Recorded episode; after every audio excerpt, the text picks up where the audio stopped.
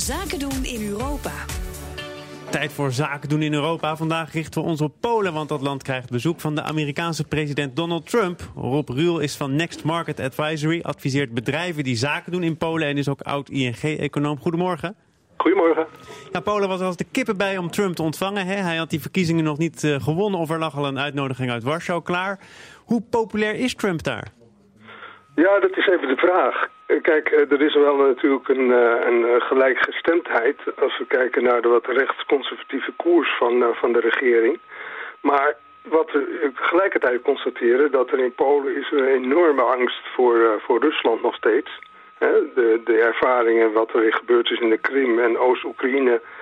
die uh, leven de vrees bij Polen dat de, zoiets ook in Polen zou kunnen gebeuren.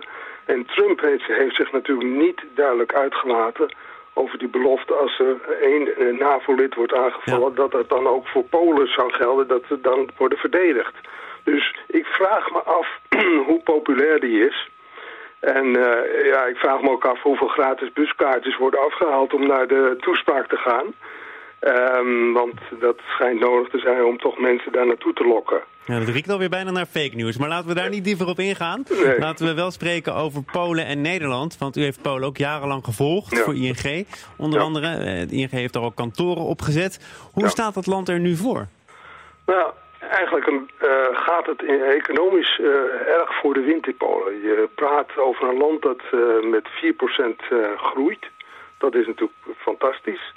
En waarom draait eh, de Poolse economie nou zo goed? Het draait goed omdat het beter gaat in Europa. De lage olieprijs die helpt de inflatie laag te houden. En de lonen stijgen, de inkomens eh, van consumenten stijgen. En dus die worden, die worden mooi besteed. Dus de consumptie groeit erg hard. Ja, dat Eh, betekent eigenlijk dat Poolse werknemers niet meer per se voor een baan naar Nederland hoeven te gaan. Wat Ja, we in het verleden vaak gezien hebben. Ja, ja, ja. Zeker. Door ook de, de instroom van buitenlandse investeerders in Polen... zijn er eh, tal van interessante eh, mogelijkheden voor banen voor Polen zelf in Polen ontstaan. En dus de drijfveer om meer naar het buitenland te gaan, die zal afnemen. Je kunt het andere, andere argumenten hebben om te zeggen... nou, ik wil toch graag naar, Eng- naar Engeland of zo, maar... Stek, sec genomen, als je kijkt naar de economische ontwikkeling, zeg je ja, er liggen ook heel mooie kansen voor goed opgeleide Polen, ook in Polen. Ja, dus mensen hoeven niet meer naar het buitenland te gaan. Sterker nog, het zou omgekeerd kunnen gebeuren dat Polen die nu werken in Nederland of het Verenigd Koninkrijk weer zeggen: ik ga terug naar mijn thuisland, naar mijn vaderland. Klopt, klopt. En daar zien we ook wel wat voorbeelden van. Dat, eh, dat gaat nog eh, met mondjesmaat, maar ik verwacht dat dat verder gaat toenemen. En eh, zeker ook omdat het zo goed gaat, economisch gezien, daardoor nemen zeg maar, de, de, de bezwaren die er kunnen zijn tegen de rechtsconservatieve koers natuurlijk, hè, nemen af. Hè. Je ziet de ingrepen die in de media en de Hoge Rechtshof zijn gedaan en, en de stoere taal naar Ja, Brussel waar toe. veel over te doen was, omdat het een principiële kwestie is en niet zozeer een economische kwestie. Precies, precies. En dat, die bezwaren lijken wat, eh, wat af te nemen eh, naarmate de economische ontwikkeling dus veel gunstiger is. Maar er zijn wel wat, eh, wat addertjes onder het gras. Want ja, die, die, die, die situatie in Polen met die snelle groei, eh, die leidt ook al tot arbeidskrapte. En want we kunnen, als we zo naar de cijfers kijken, dan zeg je nou 7% werkloosheid. Nou, er is genoeg eh, ruimte voor, voor, voor op de arbeidsmarkt.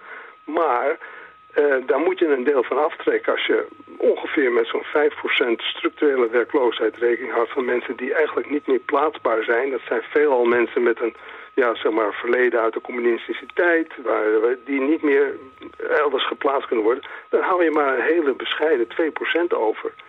En als je nu naar Warschau kijkt, dan zeg je nou, in Warschau zie je dat de werkloosheid is maar 2%. Ja. Dus dat is bijna volledige werkgelegenheid, eh, zeggen we dan. Dat ziet er dus al met al, ondanks de addertjes, overwegend goed uit. Ik dank u voor de update vanuit Polen. Rob Ruul van Next Market Advisory. Dank.